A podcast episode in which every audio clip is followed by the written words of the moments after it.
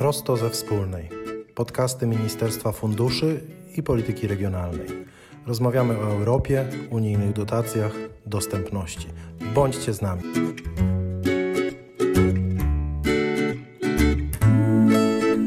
Dzień dobry, witam Państwa bardzo serdecznie w podcaście Prosto ze Wspólnej. E, Dzisiaj naszym gościem jest Przemysław Herman, który w naszym ministerstwie, Ministerstwie Funduszy i Polityki Regionalnej jest zastępcą dyrektora Departamentu Europejskiego Funduszu Społecznego i tak się składa, że Przemek e, zajmuje się u nas e, programem Dostępność Plus. Cześć Przemku. Dzień dobry Państwu. Przemku, czy myślałeś kiedykolwiek, że będziesz rewolucjonistą? Nie, nie przewidywałem tego. Dobrze, bo rewolucjonistą jesteś e, dlatego, że kierujesz programem, który moim zdaniem jest rewolucyjny. Mam takie wrażenie, że od kilku lat e, w administracji publicznej toczy się taka, może rewolucja to zbyt dużo powiedziane, ale taka bardzo mocna ewolucja, która polega na tym, że w swoich działaniach uwzględniamy potrzeby różnych grup, e, przede wszystkim osób z niepełnosprawnościami, przede wszystkim seniorów e, także innych osób, które mają specjalne potrzeby. Ten proces się toczy. No, a ty w pewnym sensie jesteś jednym z e, takich spiritus movens tego procesu i chciałbym cię na początek zapytać, bo słuchają nas pewnie osoby, które, e, które wiedzą, czym jest dostępność, e, natomiast pewnie część osób nie wie. Dostępność, bo kojarzy nam się, że jeszcze coś jest dostępne, ale o co tak naprawdę chodzi z tą dostępnością? W dostępności chodzi przede wszystkim o to, żeby samodzielnie móc z czegoś skorzystać. Bardzo często, żeby gdzieś dotrzeć, gdzieś wejść, przejść, albo po prostu z czegoś skorzystać, umieć coś otworzyć, coś użyć. I z dostępnością jest tak, że w niej właśnie przede wszystkim chodzi o samodzielność. Jeżeli możemy to zrobić sami, nie musimy prosić kogoś o pomoc, to wtedy coś staje się dostępne. Może to być usługa, to może to być miejsce, może to być transport.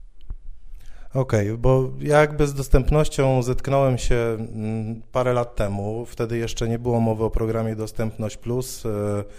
Nie było mowy o, o, o powiedzmy tak, tak szeroko, nie mówiło się o, o ułatwieniach dla różnych grup, które mają specjalne potrzeby. Pamiętam, że rozmawialiśmy wtedy e, w gronie tutaj Biura Komunikacji, w którym pracuję, o tym, że trzeba e, tworzyć teksty alternatywne do grafik, które wrzucamy do, do internetu, żeby mogły je przeczytać czytniki ekranowe. O tym na przykład, że trzeba e, wstawiać napisy do filmów, że trzeba mm, umieszczać w nich tłumacza języka migowego ale chyba nie tylko o to chodzi w dostępności. Tak naprawdę kto, kto jest adresatem wszelkich działań na rzecz dostępności i co to może oznaczać w praktyce? Słusznie wymieniłeś te różne sposoby na zapewnienie dostępności właśnie w obszarze komunikacyjnym. To bardzo często możliwość zapoznania się z określoną informacją, czy ze stroną internetową, czy z informacją o godzinach otwarcia jakiegoś urzędu, sklepu, czegokolwiek. To właśnie możliwość poznania tej, tej wiedzy, tej treści i ona wynika z tego, że nie wszyscy mamy równe możliwości, jeżeli chodzi o zmysły, o poznawanie. Niektórzy nie widzą, nie dowidzą, inni nie słyszą albo nie dosłyszą, jeszcze inni mają problem z mową. I w związku z tym te sposoby przekazywania informacji muszą być do tego dostosowane. To jest ta dostępność informacyjna czy komunikacyjna, jak ją nazywamy. Właśnie to, co wspominałeś, czyli teksty alternatywne, odpowiednio duża czcionka, czasem kontrast, możliwość przekazania informacji, która jest zeskanowana, ale w taki sposób, żeby można było odczytać tekst. To są, to są te rzeczy, o których musimy właśnie pamiętać w przypadku osób z ograniczeniami poznawczymi. No właśnie, tutaj jakby chciałem nawiązać do tego, co powiedziałeś, bo powiedziałeś o skanach. Tutaj ogromny apel do wszystkich, e, nie tylko do urzędów, ale także do E, do biznesu, do osób prywatnych, które zamieszczają coś w internecie, jeśli chcecie, żeby coś było dostępne, także na przykład dla osób e, z dysfunkcjami wzroku, nie wyrzucajcie skanów, bo osoby niewidome bądź też e, niedowidzące używają czytników ekranowych, które czytają im tekst, a skanu nie są w stanie przeczytać, bo jest to obrazek. Dobrze, czyli mamy tutaj tą dostępność w kwestii komunikacji, przede wszystkim komunikacji elektronicznej, ale jeszcze jakie mamy tutaj wymiary dostępności? Oczywiście ta podstawowa, najbardziej znana to architektoniczna i z niej korzystają osoby, które mają problem z mobilnością, z poruszaniem się.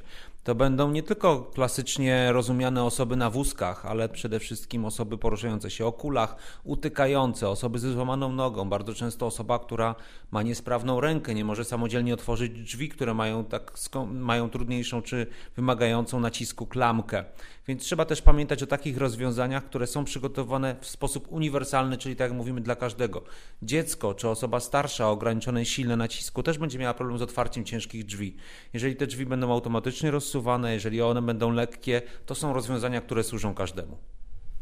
Jasne. I właśnie, żeby pomóc w tych różnych aspektach, tej architektonicznej, tej cyfrowej, e, także transportowej dostępności, Ministerstwo Funduszy i Polityki Regionalnej, e, a także tutaj cały rząd, bo jest to program w zasadzie całego rządu realizowany przez cały rząd, przygotowało mm, program Dostępność Plus. Spotykamy się dzisiaj tutaj z Przemkiem i rozmawiamy, bo w lipcu minęło 3 lata e, od przyjęcia e, tego programu i powiedz Przemku, mm, czy ten program po pierwsze sprawdza się, czy faktycznie nasze działania tutaj mm, przynoszą efekty, a druga rzecz taka podstawowa, może to na początek, czy on obejmuje te wszystkie aspekty dostępności, o których mówiłeś? No zdecydowanie tak. Program jest bardzo kompleksowy, obejmuje wszystkie te aspekty. Jak Państwo byście zajrzeli do samego programu, chociaż nie każdy musi mieć potrzebę czytania tego dokumentu, to jest tam aż 44 różne działania podzielone na takie obszary właśnie jak architektura, jak służba zdrowia, jak edukacja czy transport i w każdym z tych obszarów naprawdę wiele się dzieje. Przez te 3 lata pracowicie staraliśmy się zaszczepić gen dostępności wszędzie, w różnych e, dziedzinach i to nam się, możemy powiedzieć, udało. Chociaż efekty będą widoczne nie zawsze od razu, czasami to musi potrwać. Tak jak robimy inwestycje kolejowe, przebudowujemy e, dworce czy przystanki, to oczywiście jest proces inwestycyjny, który zajmuje rok, dwa, czasami nawet dłużej i dopiero potem te efekty są widoczne, ale w wielu miejscach już dzisiaj możemy zobaczyć efekty dostępności. To na przykład nowe windy, to na przykład podjazdy. Nie wiem, czy Państwo wiecie, ale już w tej chwili można spotkać 17 zakończonych inwestycji z Funduszu Dostępności, który pozwala budować windy w blokach mieszkalnych czy, czy w urzędach publicznych. I na przykład Urząd, Urząd Miasta w Biłgoraju wbudował taką windę. Bloki mieszkalne w, w Żorach czy w, w Warszawie również już skorzystały z tych rozwiązań, gdzie osoby starsze z niepełnosprawnościami mogą swobodnie teraz docierać na wyższe kondygnacje. To o to chodzi właśnie w dostępności i w bardzo wielu aspektach to robimy. Takie e, inicjatywy dzieją się też w służbie zdrowia. Już e, około 30 placówek opieki zdrowotnej i 16 szpitali podpisało umowy, dzięki którym dofinansuje właśnie rozwiązania służące poprawie dostępności na swoim terenie. A jaka to może być dostępność w szpitalu? Co można zrobić w szpitalu, na przykład, żeby, żeby szpital był bardziej dostępny? Bardzo często, nie wiem czy Państwo mieliście okazję się przekonać, ale szpitale nie są dostosowane do y, potrzeb osoby starszej, czy nawet poruszającej się o kulach. Nawet szpital ortopedyczny w Warszawie ma schody, które prowadzą do głównego wyjścia. Proszę sobie wyobrazić osobę z złamaną nogą, która musi się do niego dostać. Bardzo często wymaga po prostu osoby, pomocy drugiej osoby. Musi, może to być przyjaciel, członek rodziny, a chodzi o to, żebyśmy byli samodzielni. Więc chociażby usunięcie schodów, zastąpienie ich podjazdem albo windą, czy platformą przyschodową, ale też zatrudnienie osoby, która, czy, czy na część etatu nawet pracownika ochrony, czy innej osoby, która pomoże osobie starszej dostać się do określonego pokoju, poinformuje, gdzie jest miejsce przyjęć, gdzie jest e, oddział określony i tak dalej. To są takie rozwiązania, które ułatwią nam poruszanie się po budynku, zorientowanie się, gdzie jest właściwe miejsce, do którego zdążamy czy podobne rozwiązania, bo wspomniałeś też e, obszar edukacji. Jestem w stanie sobie wyobrazić, jakby, że podobne rozwiązania, o których mówiłeś w przypadku szpitali, mogłyby funkcjonować w przypadku szkół. Natomiast czy są jeszcze jakieś e, inne ciekawe projekty, które na przykład realizujemy w, w obszarze edukacji? W sumie za miesiąc zaczyna się rok szkolny, zobaczymy jak to będzie z tym powrotem do szkoły. Natomiast e, no, pytanie brzmi, co możemy zrobić na przykład w szkołach, żeby, żeby były bardziej dostępne? W szkołach możemy zrobić bardzo wiele. Przede wszystkim, jeżeli chodzi o szkoły podstawowe, one z zasady raczej starają się być budowane w sposób uniwersalny, bo dzieci mają określone wymagania, więc powiedzmy są na, na, na niższym poziomie instalowane, czy to łazienki, czy, czy e, w klasach tablice i tak dalej. To nie jest problem. Natomiast większym problemem jest sama metodyka nauczania, samo podejście do dzieci o różnych e, potrzebach poznawczych. Wszyscy wiemy, że nie każdy jednakowo szybko zdobywa wiedzę, niektórzy potrzebują wyrównywania tych szans edukacyjnych, niektóre dziecka, dziecko, które na przykład właśnie nie dowidzi, będzie siedziało e, z daleka i nie zdąży zapoznać się z materiałem, więc nauczyciel musi wychwytywać te wszystkie symptomy i odpowiednia metodyka pracy z dzieckiem ułatwia właśnie przekazywanie wiedzą dzieci, dzieciom z niepełnosprawnościami. Nad tym wszystkim pracujemy i stworzone są na przykład specjalne narzędzia edukacyjne dla nauczycieli, które pozwalają identyfikować potrzeby tych dzieci i wskazują, jak je rozwiązywać. Chociażby świetnym przykładem są e-materiały edukacyjne dostępne na platformie Scholaris, gdzie można sięgnąć po nie i dzieci z niepełnosprawnością wzroku czy, e, czy słuchu mogą skorzystać również z tych materiałów albo samodzielnie w domu, albo poprzez przygotowanie przez nauczyciela takiej lekcji. Jeszcze chciałbym tutaj o transporcie dwa słowa zapytać Ciebie, y, bo jakby kojarzy się nam transport, dostępność, y, transport kojarzy nam się na przykład z niskopodłogowymi y, autobusami, z jakimiś odpowiednimi oznaczeniami, na przykład odpowiednio kontrastowymi w środkach komunikacji miejskiej, które pozwoliłyby na przykład poruszać się odpowiednio po autobusie osobami z różnymi niepełnosprawnościami. E, co robimy na rzecz, na rzecz dostępności transportowej i co jeszcze mieści się w tym pojęciu dostępności transportowej, bo zakładam, że nie tylko to, co powiedziałem. To jest bardzo wiele wymiarów. Oczywiście ten, o którym wspominałeś, jest bardzo ważny, czyli dostępność taka fizyczna, możliwość wejścia do autobusu czy tramwaju, czy, czy do. Yy pociągu. Natomiast w wielu wypadkach to również informacja transportowa. To możliwość zajrzenia na stronę i sprawdzenia, o której odjeżdża nasz autobus, możliwość zakupienia biletu. Nie wiem, czy Państwo wiecie, ale są już na przykład biletomaty, które pozwalają osobom niewidomym zapoznanie się z treścią. Poprzez podłączenie słuchawek mogą samodzielnie, wysłuchując komunikatów, zakupić bilet w biletomacie. Oczywiście to nie jest jeszcze powszechne, ale już wkrótce w 2025 roku wejdzie obowiązkowo dyrektywa o dostępności, która zobowiąże wszystkich producentów produkcji wykorzystujących takie urządzenia do właśnie zapewnienia co najmniej dwóch kanałów komunikacji.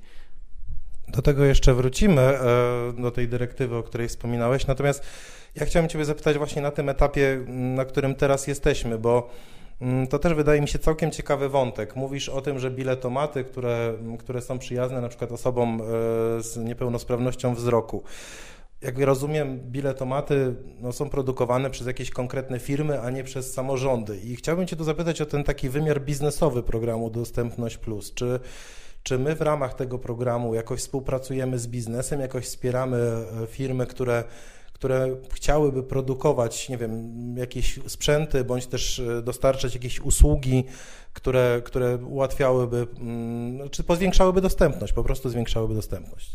Dokładnie tak, to też bardzo ważny obszar programu, mianowicie staramy się, żeby przedsiębiorcy zainteresowali się kwestią dostępności. Po pierwsze, żeby dostrzegli w tym potencjał dla swoich e, biznesów, chociażby dostrzegając, że są klienci, którzy wymagają szczególnych udogodnień. I mogą to być oczywiście urządzenia, mogą to być produkty, które są sfinansowane z, z myślą o osobach niepełnosprawnych, albo takie, które są finansowane i tworzone w sposób uniwersalny, ale jednocześnie rozwiązują problemy osób z niepełnosprawnościami. Jakieś przykłady? Może coś już ciekawego weszło na rynek, co wsparliśmy, czy na razie są to jakieś takie wstępne fazy testów? Na razie są to przede wszystkim prace projektowe nad produktami, które możemy też przetestować, ale to, co udało nam się zrealizować, to sfinansować około 150 różnego rodzaju projektów, które są w trakcie realizacji i mają na celu stworzenie właśnie takich rozwiązań. To mogą być różne rozwiązania, począwszy od mebli regulowanej wysokości, poprzez odzież, która jest dostosowana do potrzeb osób starszych, czy na przykład może to być szminka, która ułatwia, e, która, którą może łatwo obsługiwać osoba po udarze bardzo często nie zdajemy sobie sprawy z tego, że przedmioty codziennego użytku osobom ze szczególnymi potrzebami sprawiają trudności i małe usprawnienia w tych przedmiotach mogą poprawić komfort życia. Chciałbym Cię jeszcze zapytać, mm, skoro już tak podsumowaliśmy program w kilku obszarach, pewnie na wszystkie nie starczy nam czasu, natomiast czy jest jakiś wskaźnik, jakaś liczba, czy może jakieś określenie, którym moglibyśmy powiedzieć, w jakim stopniu jest zaawansowany nasz program? Oczywiście możemy popatrzeć na to w wymiarze finansowym. W tej chwili pracuje na dostępność, obliczamy, że około 9 miliardów złotych. Zakładaliśmy od samego początku, że potrzebujemy około 23 miliardów w okresie realizacji programu, żeby osiągnąć te cele, które tam sobie założyliśmy. Można też mówić o różnego rodzaju wskaźnikach takich rzeczowych. Zakładaliśmy, że 150 szkół podstawowych będziemy chcieli udostępnić. W tej chwili już mamy 180 umów podpisanych. Podobnie jeżeli chodzi o uczelnie, też miało być 100 uczelni, jest 130, więc nawet udaje nam się przekraczać w wielu aspektach te wskaźniki. Program do którego roku ma funkcjonować? Bo powiedziałeś, tam około 23 miliardów. Do którego to jest roku? Jeszcze przez najbliższe 3 lata. Taki jest cenzus czasowy założony do 2025 roku. Natomiast zakładamy, że to, co w programie powstaje, będzie pracować na dostępność przez kolejne lata również. Będziemy korzystać jeszcze długo z efektów tego programu, a ponadto on się nie kończy. To jest tak naprawdę pewnego rodzaju impuls rozwojowy, który chcemy kontynuować i tak jak wspominałem, zaszczepić w różnego rodzaju dziedzinach i środkach rozwojowych, które w Polsce są wydawane. Tylko, że mm, te 23 miliardy złotych, no to powiem szczerze, liczba robiąca wrażenie. Z czego tak naprawdę finansujemy program Dostępność Plus? Ja wiem, że jest to pewna kombinacja finansowania, ale gdybyś mógł e, opowiedzieć naszym słuchaczom, skąd te pieniądze? Dokładnie tak, te, te, pieniądze oczywiście mm, są zakorzenione w różnego rodzaju wydatkach inwestycyjnych, które i tak w Polsce się dzieją. Od samego początku program miał być realizowany w ten sposób, że chcieliśmy tak jak wspominałem, zaszczepić tą dostępność w różnego rodzaju projektach, inicjatywach. I teraz, kiedy mówimy na przykład o Krajowym Programie Odbudowy, kiedy mówimy o funduszach europejskich, które służą w Polsce do poprawy warunków y, funkcjonowania gospodarczego, społecznego, do rozwoju samorządów, to właśnie tam zaszczepiamy tą naszą dostępność. Najlepszym tego przykładem jest chociażby Krajowy Fundusz e, Przewozów Regionalnych, który służy do e, przewozów autobusowych, tych pomiędzy miastami. Tam, jeżeli e, oferent chce zaoferować swoje usługi transportowe, musi również spełnić kryteria dostępności. Podobnie robimy w różnych innych dziedzinach, chociażby w obszarze kultury. Jeżeli organizacja społeczna chce zorganizować festiwal kulturalny, musi również spełnić, zapewnić w jaki sposób będzie y, wspierała osoby z niepełnosprawnościami, które na taki festiwal chciałyby przyjść. Więc widzicie Państwo, że w wielu dziedzinach chcemy sprawić, żeby ta dostępność przy okazji niejako wydatków również zaistniała. Czyli jest to taki miks finansowania unijnego, naszego krajowego, ale też rozumiem, że nie tylko budżet państwa, ale też samorządy. Zdecydowanie tak, zależy nam na tym, żeby zaangażować i samorządy, i nawet przedsiębiorców. Dobrze, a wspomniałeś też o tym, że mm, jakby efekty programu będziemy widzieć także po, po jego zakończeniu, czyli po 2025 roku. E, no jednym, z, bo tu rozmawialiśmy tutaj przede wszystkim o pieniądzach, natomiast e, elementem programu są też zmiany w prawie i myślę, że to, to jest coś, co będzie mm, oddziaływać przez najbliższe lata na pewno jako efekt programu.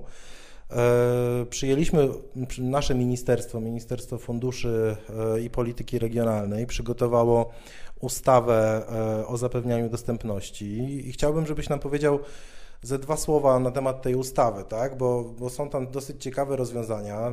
Jest tam fundusz dostępności, jest tam certyfikacja dostępności, to zaraz powiemy, mam nadzieję wyjaśnisz nam, co to jest, ale jest też na przykład coś takiego jak skarga na brak dostępności, co wydaje mi się całkiem ciekawym rozwiązaniem. Czy, czy ta ustawa sprawdza się w praktyce, czy mamy już jakieś informacje o tym, czy rzeczywiście y, ludzie korzystają z zawartych w niej rozwiązaniach, no i, no i jak idzie wdrażanie w poszczególnych, e, bo ona dotyczy przede wszystkim administracji publicznej. Wiem, że tam mają być koordynatorzy dostępności powołani e, w poszczególnych urzędach.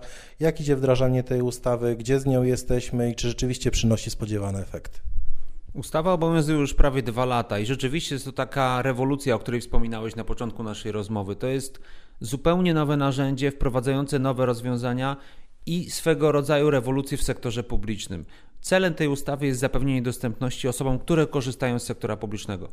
To jest szacuje się około 80 tysięcy podmiotów w całym kraju, które na co dzień świadczą usługi publiczne. Od urzędu gminy, do którego idziemy wyrobić dowód osobisty, poprzez urząd wojewódzki, ale również, nie wiem, może to być e, pływalnia publiczna, z której chcemy skorzystać, biblioteka publiczna, w której wypożyczamy książkę, czy szkoła, do której zaprowadzamy nasze dziecko. Więc tych podmiotów jest naprawdę bardzo dużo. W każdym z tych podmiotów musimy zadbać o dostępność. Chodzi o to, żeby miała ona właśnie ten wymiar komunikacyjny, informacyjny czy cyfrowy. Czyli taki podmiot, do którego pójdziemy, musi nam zapewnić na przykład wolną od barier drogę. Jeżeli jesteśmy osobą niewidomą e, podróżującą z psem asystującym, to mamy prawo z tym psem wejść do każdego budynku. Mamy prawo dostać się na każdą kondygnację i do każdego pomieszczenia, a jeżeli tego nie mamy zapewnione, to właśnie będziemy mogli złożyć skargę. I skarga, możliwość jej złożenia wejdzie już 6 września tego roku, więc to jest bardzo silny instrument motywacyjny dla tych podmiotów publicznych, żeby zadbać o dostępność. Ale do kogo tak naprawdę możemy się poskarżyć i, i co grozi za taki brak dostępności? Najpierw, jeżeli chcemy skorzystać z jakiegoś podmiotu, a nie możemy tego zrobić ze względu na właśnie bariery, na które napotkaliśmy, składamy wniosek do samego podmiotu z prośbą o udostępnienie. Czy to będzie na przykład właśnie urząd, do którego chcemy wejść, żeby załatwić swoją sprawę, w ciągu 14 dni musi nam udostępnić, znosząc tą barierę. Może to polegać również na tym, że to urzędnik przyjdzie do nas, żeby nam pomóc w załatwieniu sprawy. Jeżeli w ciągu tych 14 dni nie uda się zlikwidować bariery, wtedy mamy prawo złożyć skargę, składa się ją do Państwowego Funduszu Rehabilitacji Osób Niepełnosprawnych. No ja mam wrażenie, że taka skarga może być jakimś takim rozwiązaniem ostatecznym, bo szczerze mówiąc liczę na to, że wraz ze wzrostem świadomości potrzeby dostępności e, będzie wzrastała też świadomość e, nas, urzędników e, czy osób pracujących w sektorze publicznym, że tak naprawdę nie będziemy musieli uciekać się do tej skargi mm, i każdy z nas jakby no, pewną taką chęcią wykaże się pomocy w sytuacjach, w których, w których przyjdzie do nas osoba z jakąś specjalną potrzebą.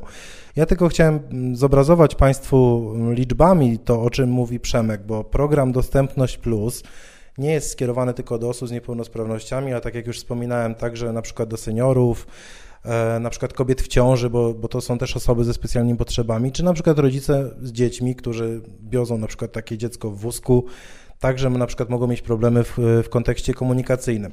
A jeżeli chodzi tylko o osoby z niepełnosprawnościami, to w Polsce oczywiście mamy różne statystyki, bo to zależy od metodologii, ale według Narodowego Spisu Powszechnego sprzed 10 lat e, mamy w Polsce około 4,7 miliona e, osób e, z niepełnosprawnościami. Z kolei według danych ZUS z 2019 roku 2,4 miliona osób pobierają świadczenia emerytalno-rentowe i posiadają e, orzeczenia niepełnosprawności. Więc tak naprawdę mówimy tutaj o ogromnej grupie ludzi, jeśli wziąć pod uwagę tylko niepełnosprawnych, bo to jest od 2,5 w zasadzie do 5 milionów, w zależności od e, metodologii, którą liczymy.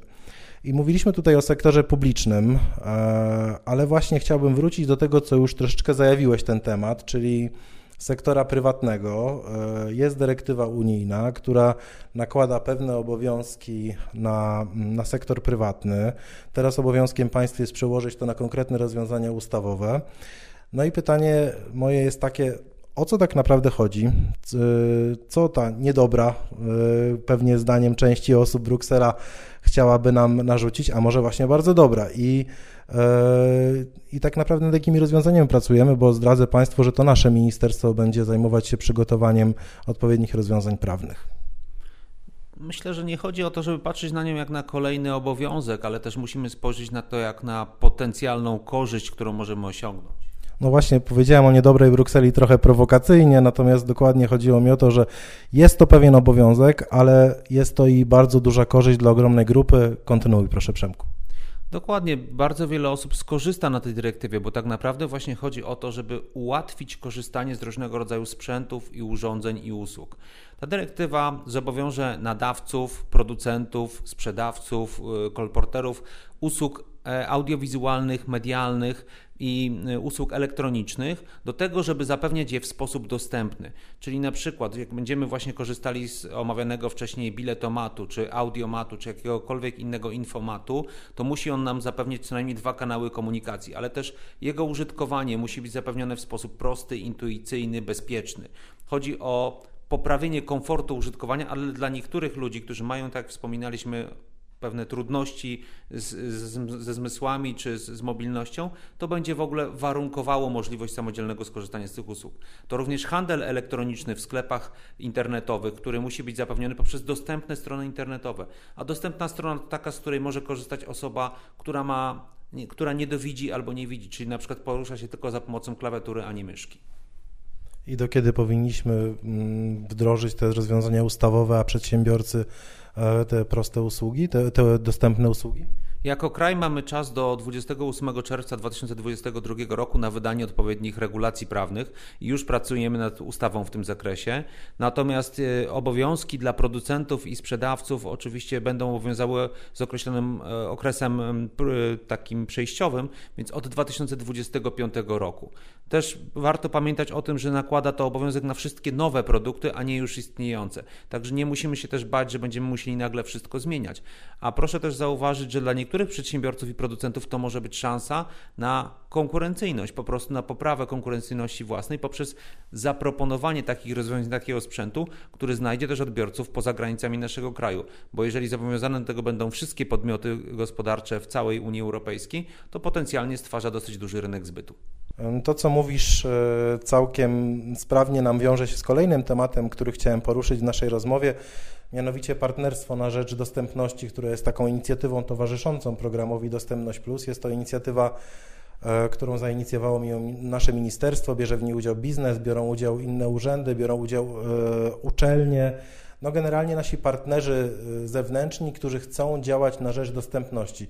Powiedz nam, ilu tych partnerów teraz mamy i tak naprawdę mm, do czego oni się zobowiązują przystępując do tego partnerstwa i czy jakieś fajne przykłady możesz nam podać, nie wiem, przedsiębiorstw, urzędów czy, czy uczelni, którzy, które już jakieś realne działania mm, na, y, wskutek przystąpienia do tego partnerstwa podejmują? Partnerstwo to jest taka inicjatywa, która powstała, wyrosła na kanwie programu Dostępność Plus. Nie, to nie jest tak, że program powstał gdzieś w zaciszach gabinetu, ale my bardzo mocno współpracowaliśmy ze środowiskiem osób z niepełnosprawnościami, z seniorami, po to, żeby stworzyć ten program i zapisać go w takim celu, żeby on służył rzeczywiście ich potrzebom. I wokół partnerstwa właśnie powstała taka idea, żeby stworzyć i zaprosić do realizacji tego programu jak najwięcej podmiotów. Wspominałeś, że to są podmioty różnego rodzaju, samorządy, przedsiębiorcy, ale w dużym stopniu też organizacje różnego rodzaju, fundacje czy stowarzyszenia. A ile ich teraz mamy? Mamy ich już 217 i cały czas to się rozwija. Dostajemy ciągle prośby o przystąpienie kolejnych podmiotów.